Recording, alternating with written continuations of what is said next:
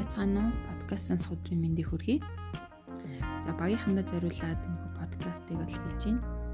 За тэгээ подкастын утга нь бол сайтны сэтгэлгээний бас намайг бүрэн ирэхээр нь уншиж хүрэхээр эхний хэсэгтээ орж байна. За тэгээд багийнхан маань бас цаг зав гаргаад энэхүү подкастын маань сонсороо сайтны сэтгэлгээний бас намайг сонсснороо таны амьдралд таны бизнест өөрчлөлт гарна гэдэгт бол итгэж байна. За ингээд намаа эхлэе. Харвекер гэж хэн болоод би түүний номыг унших хэрэгтэй юм бэ? Өөрийн семинар хийхэд миний хэлэх ганц чүгэнд бүү итгээрэй гэж хэлэхэд хүмүүс ихэд гайхан цочирддаг юм.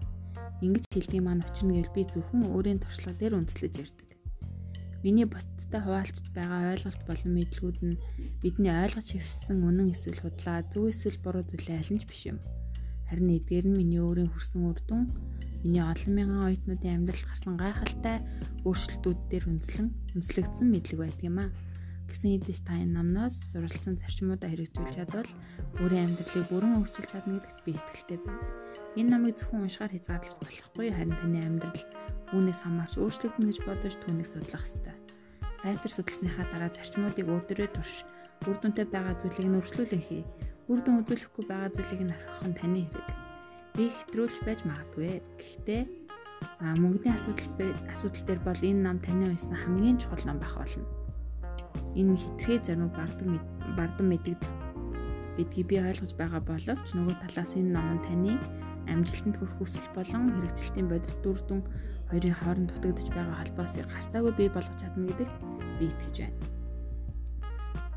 холбоос дутагдаад байгаа дээрх хоёр хүчин зүйл бол хоорондоо адилгүй тис өөр зүйлүүдийг таалаа одоо мэддэг болсон баг. Мэдээж та ийм төрлийн бусад номнуудыг уншиж хуурцаг юм уу CD сонсож сургалтанд хамрагдсанаар үйл хөдлөх хөрөнгө хувьцаа бизнесийн чиглэлийн төрөл бүрийн баяжих системүүдийн талаар нэлээдгүй мэдлэг хөндлөсөн мэдээж. Гэвч энэ бүхний үр дүнд юу болсон бэ? Ихэнх хүмүүсийн хувьд нэг их өөрчлөлт гардаггүй Дээр дурсан бүтээгдэхүүнүүд нь төр зүрийн хугацаанд хүнийг сэргэн идэвхжүүлдэг боловч бодлого буцаад л юмдаа орчдөг. Эцэст нь энэ бүхний хариулт нь олтлоо. Энэ бол энгийн боловч харцаагүй хөл бөгөөд та хүнийг тойрон гарах боломжгүй юм. Үүнийг товчоор дараах байдлаар илэрхийлэх болно. Таны санхүүгийн суур ихтгэл үнэмшилтэй нь амжилтанд хүрэхээр тохируулагдаагүй бол та юу ч сураад, юу ч мэдээд, юу ч хийгээд нэмэр болохгүй. Энэ намар дамжуулан бид танд яагаад зарим хүмүүс баян хангалуун байхад бусд нь амьдралын төлөө сөхөрч унтлаа зүтгэх ёстой нууцыг дэлгэх болно. Ингэснээр та амжилт, дундаж төвшин эсвэл санхүүгийн бүтлгүүтлийн үндсэн шалтгааныг ойлгож өөрийн санхүүгийн ирээдүйг сайжруулж эхлэх болно. Хүүхэд насндаа мэдэрсэн туршлагын нөлөө хэрхэн бидний санхүүгийн ихтгэл үнэмшлийг эдүүгээ бүрэлдүүлэн бүтээж өөрийгөө доош нь хийсэн бодлууд болон зуршлуудыг бий болгодог болохыг ойлгох болно та өөрт хэрэггүй бодлуудаа хэрхэн баян хүмүүс шиг сэтгэж амжилтанд хүрэх баялагын файлуудаар солиход туслах хүчрхэг тунхаглалуудыг энэ номноос олж мэдэх болно. Та мөн өөрийн орлогыг нэмэгдүүлж баялагийг бий болгох практик алхмуудад суралцах болно. Номын 1-р хэсэгт бид бүхэн мөнгөтэй холбоотой асуудал дээр яаж сэтгэж ажиллахаар бэлтгэгдсэн болохыг тайлбарлаж өөрсдийн мөнгөний ихтгэл үнэмшлийг шинэчлэх дөрвөн үндсэн стратегийг товчхон авч үзнэ. Номын 2 дугаар хэсэгт баян дундаж давхрах юм болон ядуу хүмүүсийн сэтгэхийн ялгааны талаар ярилцаж таны санхүүгийн амьдралд үрдийн өөрчлөлт авчрах 17 хандлага баар ажиллагааг танилцуулах болно. Мөн миний сайтны сэтгүүр эрчимтэй сургалтанд хамрагдаж өөртөө амьдралын гайхалтай амжилтанд хүрч чадсан оюутнуудаас маань ирсэн олон мянган цахимшуудангийн цөөн хідэн хидтэй танилцах болно. Тэгэхээр би ямар туршлагатай юм бэ? Би хаанаас гарал үүсэлтэй вэ? Би үргэлж амжилттай байсан уу? гэж та өөрөөсөө асуугаарай. Та нарын дунд байгаа олон хүний нэгэн адил би их чадвартай байсан боловч түүнийгээ батлах зүйлэл зүйлээр маруухан нэгэн байлаа. Би бүхэл төрлийн номнуудыг уншиж, хуурцгуудыг сонсож, семинаруудад суусан. Би амжилтанд хүрэхийг үнэхээр хүсэж байсан. Үүний шалтгаан мөнгө олох, хэрэгчлөөтэй болох, өөрийнхөө чадварыг мэдрэх, эсвэл зүгээр л эхэнүүд нь сайн хүн болж харагдах алин болохыг мэдэхгүй боловч амжилтанд хүрэх бодлоор бараг л өвчлчихсэн байсан юм. 20-д настай байхдаа би эд хөрөнгөтэй болох зорилгоор хэд хэдэн өөр төрлийн бизнес эхлүүлсэн боловч үр дүн маш тархан байсан. Би сөхөрч унтлаа ажилдаг байсан боловч хизээж хүссэн зүйлдээ хүрдэггүй байлаа. Би ашиг гэдэг зүйлийн талаар сонссон боловч хизээж хараагүй Өөрийн зөв бизнесийг олоод авчих юм бол бүх зүйл болоод явчихна гэж боддог байсан. Гэтэл миний буруу байсан. Ямар ч байсан миний хувь юу ч бүтэхгүй байсан. Эцэст нь энэ өгүүлбэрийн сүүлийн хэсэг нь миний анхаарлыг татсан. Бусад хүмүүс хэрхэн надтай яг ижил бизнес хийгээд амжилтанд хүрээд байхад би ядуу хийвэр байгаад байна вэ? Нөгөө чадвартай хүн маань яасан хэрэг вэ? Ингээд би эргэцүүлэн бодож эхэлсэн юм. Өөрийн жинхэнэ ихтгэл үнэмшлийг тунгаан бодоод би хэдийгээр баян болохыг хүсч байна гэж ярьдаг байсан ч сэтгэлийн гүндээ бол энэ талаар сэтгэл зовндог болохоо ойлгосон. Гол нь би айж байсан юм би бүтлгүүд юм уу түүнээс дор зүйл болох эсвэл амжилтанд хүрсэн ч дараа нь бүх зүйлээ алдах вэ гэж айж байлаа. Тэгвэл би жинхэнэ тэнэг болохгүй. Хамгийн гол нь би өөрийнхөө талаарх чадвартай гэсэн түүхийг эвтгэс айж байсан. Би амжилтанд хүрэх чадваргүй үргэлж сүрч унтлаа ажиллаж амьдрах ёстой бол яана. Тэр үед азар би аавынхаа маш баян нэг найзаас зөвлөө сонссон юм. Тэр манай эцэгхийн гэрт хөвгүүдтэй хүзэр тоглож байснаа намайг халт анзаарчээ. Энэ бол миний гэртээ буцнууж очсон 3 дахь тохиолдол минь байсан бөгөөд би доод зэрэглийн байр буюу хотволд амьдарч байсан юм. Аав маань миний өрөвдөлтөй амьдралын талаар түүнд ярьсан уу яасан. Тэр намайг оршуулган дээр ойр татны хүнээ алдсан хүн рүү харж байгаа юм шиг л өрөвдсөн харцаар харсан юм. Тэгээд хаар би чамшил сүрлийн байдалтай эхэлж байсан гэж хэлв. Би дотроо гайхалтай эн чинь миний сэтгэлийг хээхэн тавьшруулж байна. Гэхдээ би одоо түнд өөрийгөө ямар ч завгүй байдаг гэдгийг хэлэх хэрэгтэй гэж бодлоо. Тэр цааш нь би гэвч амьдралыг минь оронгоор нь өөрчилсөн нэгэн зөвлөгөөг сонссон юм. Үүнийг би чамд амжуулахыг хүсэж байна гэв. Би дотроо үгүй ээ нөгөө эцэг хүүгийн лекц эхлэх нь. Тэгээж тэр миний эцэг биш шүү дээ гэж бодлоо. Тэгтэл тэр Харав чи өөрийн хүснээр амжилтанд хүрэхгүй байгаа бол чиний мэдэхгүй зүйл байна гэсэн үг шүү гэж хэллээ. Тэр үед залуу хүний хит бардам зангаар би өөрийгөө бүгдийг мэддэг гэж боддог байсан боловч миний банкны данс огт өөр зүйлээ хэлж байсан. Ингээд би түүний үгийг сонсож эхэлсэн юм. Тэр цааш нь чи ихэнх баян хүмүүс хоорондоо ихээхэн төстэй байдлаар сэтгэдэг гэдгийг мэдхүү гэж асуулаа.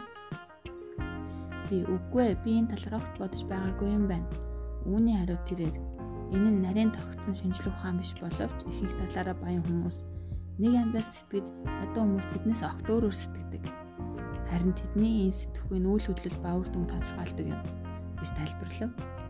Тэрээр цааш нь чи баян хүмүүс шиг сэтгэж тэдэн шиг үйл хөдлөл хийх юм бол баян болж болно гэдэгт итгэдэггүй гэж асуув.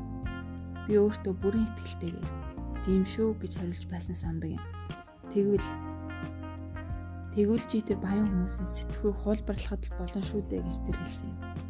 Тэр үед үл итгэж байсан би тэгвэл та яг одоо юу бодож байна вэ гэж асуулаа. Тэр үүнд баян хүмүүс өөрсдийн үүрэгт үнэнч байдаг юм. Харин одоо бол би чиний аавын өмнө үүрэгтэй. Залуучууд намайг хүлээж байна баяртай гэж хэлсэн юм. Хэдийгээр тэр ингэж явсан боловч түүний хэлсэн үг миний сэтгэлд үлдсэн юм аа.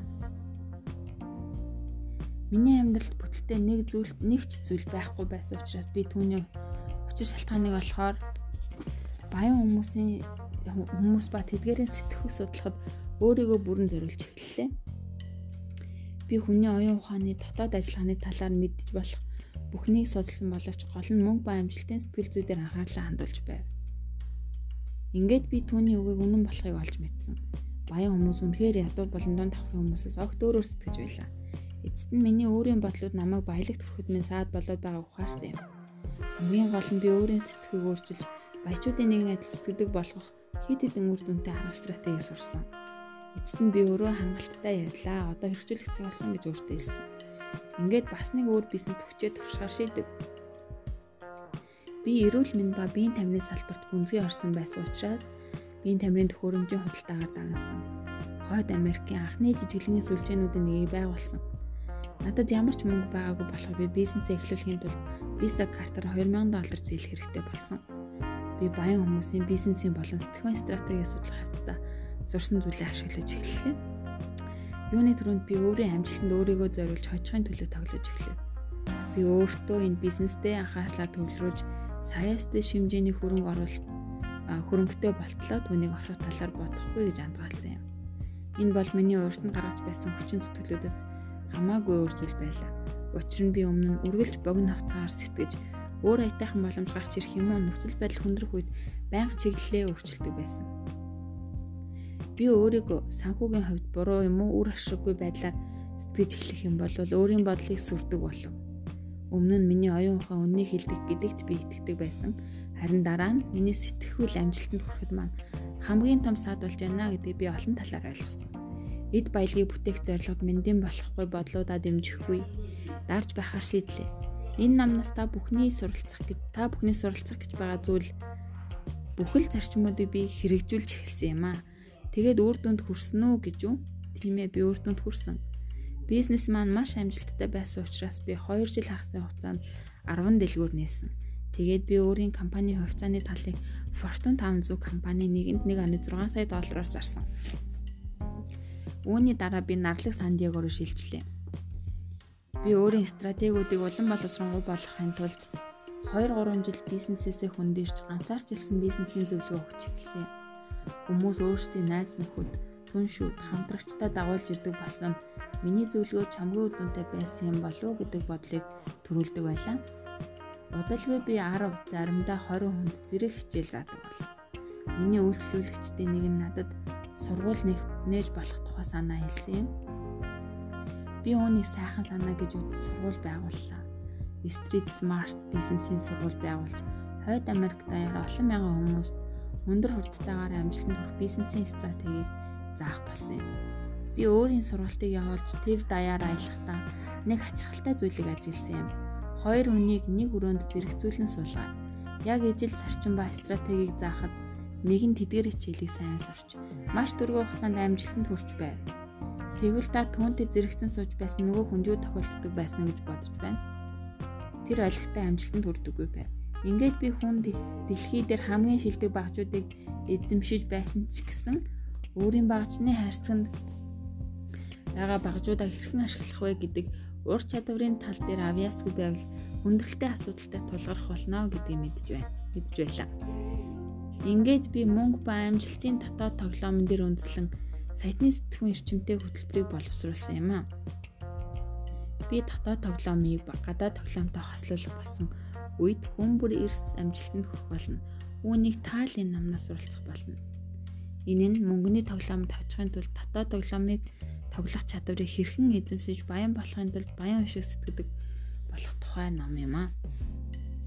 Хүмүүс надаас миний амжилтыг нэг удаагийн тохиолдол байсан уу гэж байсан уу эсвэл өргөлжсөн үйл явц байсан уу гэж асуудаг. Үүнд би дараах харалтыг өгье. Би өөрийн зааж байгаа яг тэр зарчмуудыг хэрэглэснээр өнөө хүртэл сая сая доллар олж олон олон саяын хөрөнгөтэй болсон. Энийг хийсэн баг бүхэл хөрөнгө оруулалт болон бизнесүүд бүгдээрээ эрсэсдэг. Зарим Хүмүүс намайг шидэт тохиуртай болсон учраас миний хүрсэн юм болгон алт болгон хувирч байна гэж хэлдэг. Тэдний зөв. Гэтэ тэд шидэт тохиур гэдэг нь амжилтанд зориулагдсан санхүүгийн ихтгэл үнэмшил юм гэдгийг ойлгохгүй л байж магадгүй юм. Та ч гэсэн эдгээр зарчмуудыг сурч хэрэгжүүлэх юм бол түүнийг олж авах л бол. Сайтны сэтгэх эрчимтэй сургалтын ихэнх үед би суралцагчдаас та нарын дундаас хэдэн энд суралцахаар ирсэн бэ гэж асуудаг. Энэ бол учиртай асуулт юм. Учир нь зохиолч Жош Биллинг бидэнд саад болдог зүйл бол бидний мэддэггүй зүйл биш. Харин сайн мэддэг бидний мэдлэл хамгийн том саад болдог гэж хэлсэн байдаг. Энэ номонд сурахаас илүү сурсан зүйлээ мартах тухай өгүүлнэ. Сэтгэх болон үйл хөдлөлийн хуучин арга барил чинь таныг одоогийн энэ байдалд хүргэсэн гэдгийг ойлгох нь маш чухал юм аа. Та өнөөдөр үнэхээр баян бөгөөд аз жаргалтай байгаа болж байгаа бол болж л байна. Харин тийм биш бол юу зөв болох, юу тань тохиромжтой тухай таны одоогийн ойлголттой зөрчилдөж болох зарим нэг хувилбаруудыг авч үзгийг санал болгож байгаа. Хэдийгээр миний хэлсэн ганц жүгэнд бүх итгээрэй гэж эхлээд эдгээр зарчмуудыг өөрийн амьдрал дээр туршиж үзгийг санал болгож байгаа боловч би танаас өөрөө уншиж байгаа зүйлүүдэд итгэхийг хүсмээр байна. Учир нь та намайг таньдагтай биш олон мянган хүн энэ номонд бичсэн зарчмуудыг хэрэглэснээр өөрсдийн амьдралыг аль хэдийн өөрчилсөн л байгаа юм аа. Итгэл гэснээс энэ нь миний дуртай нэг түүхийг санагдуулдаг юм. Энэ нь хадан сан дээгүүр явж байгаад гинэт хүл алдан халтарч унсан хүний тухай түүх. Азар тэр сандралгүйгээр хадны ирэмгээс зурч амтсан ба амиа алтхад бэлэн зүгтж байжээ. Тэр удаан хугацаанд эцэст надад туслах хүн байна уу гэж хашгирчээ. Гэвч хэн ч хариулсангүй. Тэр надад туслах хүн байна уу гэж хашгирсаар л байлаа. Эцэст нь нэг хөнгөнсөн дуу гарч ирэн би бурхан байна. Би чамд тусалж чадна. Чи зүгээр л өөрийн бодлоо орхиж надад итэг гэж хэлжээ.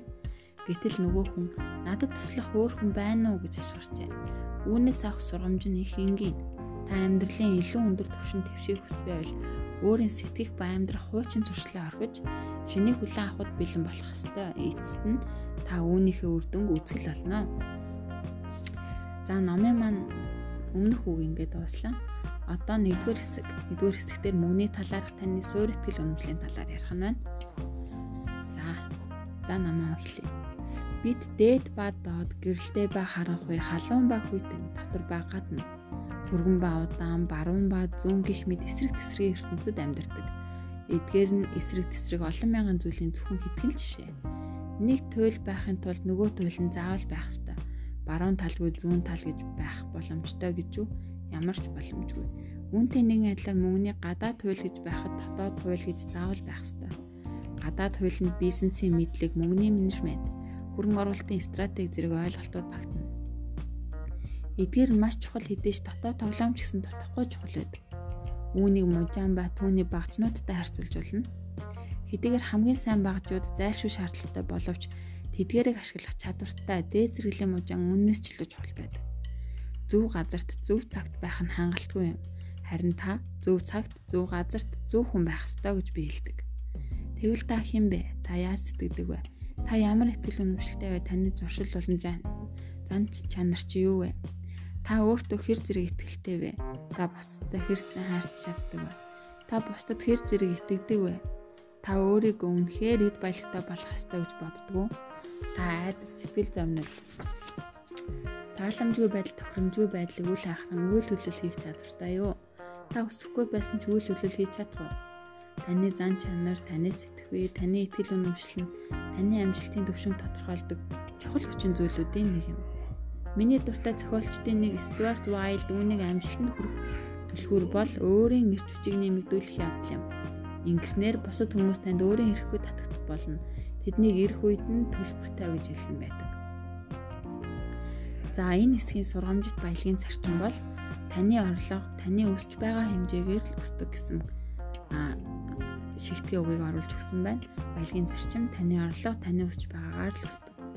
За дараагийн сэдэв яагаад таны мөнгөний талаарх ихтгэл үнэмшил чухал байдаг вэ гэсэн сэдв байна. За та санхүүгийн хувьд сүрсэн хүмүүсийн тухай сонсож байсан уу? Зарим хүмүүс их хэмжээний мөнгөтэй болсон мөртлөө түүнийг алдсан эсвэл эхлээд гайхалтай амжилт гаргаж байснаа дараа нь уруудан дөрөцсөн талаар та сонсож байсан уу? Тэгвэл та одоо үүний жинхэнэ шалтгааныг мэдэх болно. Гадна талаасаа энэ нь азгүй явдлын эдийн засгийн уналт олиггүй хамтрагчаас шалтгаалсан мэт харагдаж байгаа боловч цаад талдаа өөр зүйл байдаг. Үнэн дээр бол хүн их хэмжээний мөнгөтэй харьцах дотор талаасаа бэлэн болж чадаагүй байх үедээ их мөнгөтэй болчихвол эд баялаг тэдэнд удаан тогтохгүй алга болдог байна. Их хэмжээ их хэмжээний мөнгөтэй болж улмаар мөнгө ба амжилт өсөхөд дагаж үүсдэг олон төрлийн асуудлуудыг шийдвэрлэх татаад чадвар нь ихэнх хүмүүсийн хувьд зүгээр л хөгжөөгөө байдаг. Энэ бол тэд яагаад их хэмжээний мөнгөтэй болж чаддаггүй үндсэн шалтгаан юм. Үүний хамгийн тод жишээ бол суглааны ацтангууд. Суглааны ацтнууд татсан мөнгөнийхөө хэмжээнээс үл хамааран өөрсдийг нь зовохгүй, өөрийнх нь зохицуулт дийлэх боломжтой хэмжээ болох анх байсан санхүүгийнхаа төвшөнд эргээд тун амархан буцаж очдөг байна. Энэ бол олон удаага олон удаагийн одоо сургамжаар батлагдсан зүйл юм. Нөгөө талаас өөрийн хүчээр саятан болсон хүмүүст үүний эсрэг зүйл тохиолддог. Өөрийн хүчээр баяжсан саятнууд мөнгө алдсан нөхцөлд харьцангуй богино хугацаанд мөнгөө буцаагаад олоод авчдаг. Үүний тод жишээ бол Дональд Трамп юм. Трамп хэдэн тэрбумын хөрөнгөтэй байгаад бүгдийг нь алдсан боловч 2 3 жилийн дараа түүнээсээ ч их хөрөнгөтэй болсон. Яагаад ийм зүйл тохиолддог вэ? Өөрийн хүчээр баяжсан сайтнууд мөнгө алдсан ч гэсэн өөрийн амжилтын гол хүчин зүйлийг хязгаарч алддаггүй. Энэ бол сайтны сэтгэх юм. Дональдын хувьд бол энэ энэ нь мэдээж сайтных биш тэр бомтны сэтгэх. Дональд Трамп хизээч зүгээр нэг сайтан байх боломжгүй гэдгийг та ойлгож байна уу? Дональд Трамп зөвхөн 1 сая долларын цэвэр хөнгөтэй байсан бол өөрийн санхүүгийн амжилтын талаар юу гэж бодох байсан бол тэр өөрийгөө санхүүгийн бүтлгүүдэд орж ядуурсан мэт бодох байсан гэдгийг ихэнх хүмүүс зөвшөөрөх баг. Учир нь Дональд Трампын санхүүгийн хэмжүүр саяыг биш тэр бомбыг хэмжиж зориулагдсан доршдог. Ихэнх хүмүүсийн санхүүгийн хэмжүүр сая доллар биш. Зарим хүмүүс их мянгач биш 100 долларын хэмжиг зориулагдсан байдаг бол зарим хүнийг тгээс доош хэмжиг зориулагдсан байдаг. Тэдэнд үнэхээр хэцүү байдаг боловч яагаад юм байгаагаа тэд ойлгодоггүй. Ихэнх хүмүүс өөрсдийн нөөц боломжийг бүрэн ашигладаггүй нь бодит өнөг. Ихэнх хүмүүс амжилтанд хүрдэггүй судалгаагаар 80% нь байгаа байдлаараа бол хизээч санхүү эрхчлөөнд хүрэхгүй бөгөөд тэг аз жаргалтай болохгүй гэдэг нь бол судалгаагаар харагддаг гинэ. Үүнээс шалтгаан нь их энгийн. Ихэнх хүмүүс үннийг ухамсарладаггүй. Тэд жолооны ард хагас унтаа байдалтай явдаг. Тэд зөвхөн өөрсдөө харагдаж байгаа амьдралын өнгөцгөн хэсгийн хүрээнд сэтгэж тэр хэсэгтээ л багтан ажилладаг. Тэдний амьдрал нүдэнд нь харагдах ертөнцөөр л хязгаарлагддаг. За дараагийн жижиг сэдв үндэс үр жимсийг бий болгодог гэсэн сэдв байна. Модыг төсөөлөд үз. Түүнийг амьдралын мод гэж бодъё. Модон дээр жимс сургасан байна. Амьдралд бидний үр жимс бидний бий болгосон үр дүн. Бид өөрсдийн үр жимсийг хараад голдог. Дэндүү цөөхөн, дэндүү жижигхэн эсвэл амтгүй. Энэ үед бид ямар хандлага гаргадаг вэ? Бидний ихэнх нь үр жимс буюу өөрсдийн үр дүнд улам их анхаарал хандуулдаг Гэтэл тэдгээр үр жимсийг бий болгосон зүйл нь юу билээ? Үр жимсийг бий болгосон зүйл бол үр үндэс юм. Газрын дээр байгаа зүйлийг газрын доор байгаа зүйл бий болгодог. Нүдэнд харагдах зүйлийг нүдэнд харагдахгүй зүйл бий болгодог. Тэгэхээр энэ нь юу гэсэн үг вэ? Та өөрийн үр жимсийг өөрчлөхийг хүсч байвал эхлээд үнцгийг нь өөрчлөх ёстой гэсэн үг. Та харагдаж байгаа зүйлийг өөрчлөхийг хүсвэл эхлээд харагдахгүй байгаа зүйлийг өөрчлөх ёстой. За баялагын зарчим жижиг шигтгээ үг байна. Та өөрийн үр жимсийг өөрчлөхийг хүсч байвал эхлээд үнцийг нь өөрчлөх ёстой. Та харагдаж байгаа зүйлийг өөрчлөхийг хүсвэл эхлээд харагдахгүй байгаа зүйлийг өөрчлөх ёстой гэсэн баялагын зарчим бичжээ. За дараагийнх нь мэдээж зарим хүмүүс аливаа зүйлийг харахаас нааш итгэх ёсгүй гэж хэлдэг баг л та. Тэр хүмүүсээс би та тэгвэл яагаад цахилгааныхаа төлбөрийг төлдөг юм бэ гэж асуумаар байна. Та цахилгааныг нүдэрэ хардаггүй боловч түүний хүлээн зөвшөөрч ашигладаг та түүний байдаг гэдэгт эргэлздэг боловч цахилгаан цахилгааны утсанд гараа хүргээд үсэх юм бол мэдэрнэ. Тэгвэл таны эргэлзээ тэр даруй байхгүй болно гэдэг би баталж байна. Миний туршлагаар энэ ертөнцийн дээр харагдахгүй байгаа зүйл харагдаж байгаа ямар ч зүйлээс хамаагүй л өвчтэй байдаг. Үүнийг та хүлээн зөвшөөрдөг байна уу үгүй юу гэдгээс танил хамаарат амьдралдаа энэ зарчмыг хэрэглэхгүй байх тусам танд улам их бэрхшээл тулгарх болно. Яагаад? Учир нь та газар дор байгаа зүйл нь газар дээр байгаа зүйлийг бий болгодог буюу харагдахгүй байгаа зүйл нь харагдаж байгаа зүйлийг бий болгодог гэсэн байгалийн хуулийн эсрэг явж байгаа болохоор тэр хүмүүс бид байгалийн нэг хэсэг болохоос биш түүнээс дээд амьтан биш юм. Тийм учраас бид байгалийн хуультай зохицож өөрсдийн үндэс буюу дотоод ертөнцийн тулж ажиллах юм бол бидний амьдрал хэвэн явагдана ямар ч тариалангийн талбай, ногооны талбай, газар дор байгаа зүйл нь газар дээр байгаа зүйлийгээ бий болгодог. Ийм учраас аль хэдийн ургасан үр жимсэнд анхаарал хандуулах нь ямар ч ашиггүй юм. Та модон дээр аль хэдийн гараад ирчихсэн байгаа үр жимсийг өөрчилж чадахгүй. Харин маргааш ургах үр жимсийг өөрчилж болно. Гэвч үүний тулд та хөрсийг ухаж үнцгийг нь бэхжүүлэх ёстой. Хизээ нэгэн цагт ойлгох ёстой хамгийн чухал зүйлүүдийн нэг бол бидний оршин тогтнол нь ганцхан хэмжүүртэй байдаггүй гэдэг үнэ. Бид нэгэн зэрэг дор хаяж дөрвөн ертөнцид зэрэгцэн оршдог. Эдгээр дөрвөн ертөнц бол бодит ертөнц, сэтгэхүйн ертөнц, сэтгэл хөдлөлийн ертөнц, оюун санааны ертөнц юм.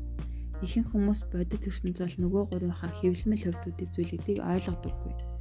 Жишээ нь та өөрийн компьютер дээр нэг захиа бичлээ гэж бодъё Та хэвлэх товчлуурыг дарснаар захиа принтерээр принтерээс гарч ирнэ. Тэр цаасан дээр гарсан захийг хараад нэг алдаа олж харна. Ингээд өөрийн ихтгэл баллуурыг гаргаж ирээд алдааг засчээ. Дахин тэгээд дахин хэвлэлтэл алдаа хിവэрэл байхаж. Бурхан минь яаж юм байж болох вэ? Та түүний дөнгөж сая баллуурдчихсан шүү дээ. Энэ удаа улам том баллуур гарч ирээд ирээд алдааг илүү удаан, илүү хүчтэй баллуурдчихэ Та тэр ботхоо 300 хуудастай үр дүнтэй баллуурдалт гэсэн нэртэй ном уншиж судалжээ. Ингээд бэлэн болж хэвлэх команд өгтөл алдаа хിവэрэл байна. Та гайхширч ийм байж болохгүй гэж шашгирна. Яагаад ийм зүйл болов? Тэнд юу болоод байна вэ? Би харанхуй бүсэд орчих уу? Асуудал бол бодит бэрхшээлийг хэвлэмэл хуудас буюу бодит ертөнцид биш. Програм буюу сэтгэхүй, сэтгэл хөдлөл, оюун санааны ертөнцид л өөрчлөх боломжтой оршиж байгаа юм. Мөнгө бол үр дүн, баялаг бол үр дүн, эрүүл мэнд бол үр дүн, өвчин бол үр дүн, таны жин ч гэсэн үр дүн юм. Бид шалтгаан ба үр дагаврын ертөнцид амьдарч байна. За энэ хэсэг дээр баялагын зарчим буюу шигтгээ өгнө. Мөнгө бол үр дүн, баялаг бол үр дүн, эрүүл мэнд бол үр дүн, өвчин бол үр дүн, таны жин ч гэсэн үр дүн. Бид шалтгаан ба үр дагаврын ертөнцид амьдарч байна гэсэн хэсгийг баялагын зарчим болгон оруулжээ. За дараагийнх нь хин нэгэн мөнгөний гачигдлын улмаас баг зэрэг асуудалд ороод байгаа ороод байгаагаа ярьжээ. Тэгвэл би танд хэлье. Мөнгөний гачигдал асуудал хизээч байдаггүй. Мөнгөний гачигдалд асуудал хизээч байдаггүй. Мөнгөний гачигдал бол дотор талд болж байгаа зүйлийн нэг шинж тэмдэг төдийл зүйл юм. Мөнгөний гачигдал нь үр дагавар юм бол түүний шалтгаан нь юу вэ? Үүнийг дараах байдлаар товч илэрхийлж болно. Та өөрийн гадаад ертөнцийг өөрчлөх цорын ганц арга бол эхлээд дотоод ертөнцийг өөрчлөх явдал юм. Та баян юм уу? Ядуу сайн юм уу? Муу эерэг юм уу? Сүрэг ямар ч үр дүнд хүрсэн байлаа гэсэн таны гадаад ертөнц бол дотоод ертөнцийн тусгалдуудын зүйл гэдгийг байнга санах ёстой. Таны гадаад амьдралд бүх зүйл бүтлгүүдж байвал таны дотоод ертөнцид бүх зүйл сайнгүй байна гэсэн үг юм аа. Энэ их энгийн зүйл байгаа шүү гэж. За ингээд энэ удаагийн подкаста дуусгая. Та бүхэндээ эхний эхний нэгдүгээр хэсгийн дэд сэдв болох мөнгөний тухай суурь ойлголтын тухай уншиж өглөө. За тэгээд дараагийнхаа подкаст хүртлээ. Эхний хэсгээ заавал сонсоорой гэж хүсье.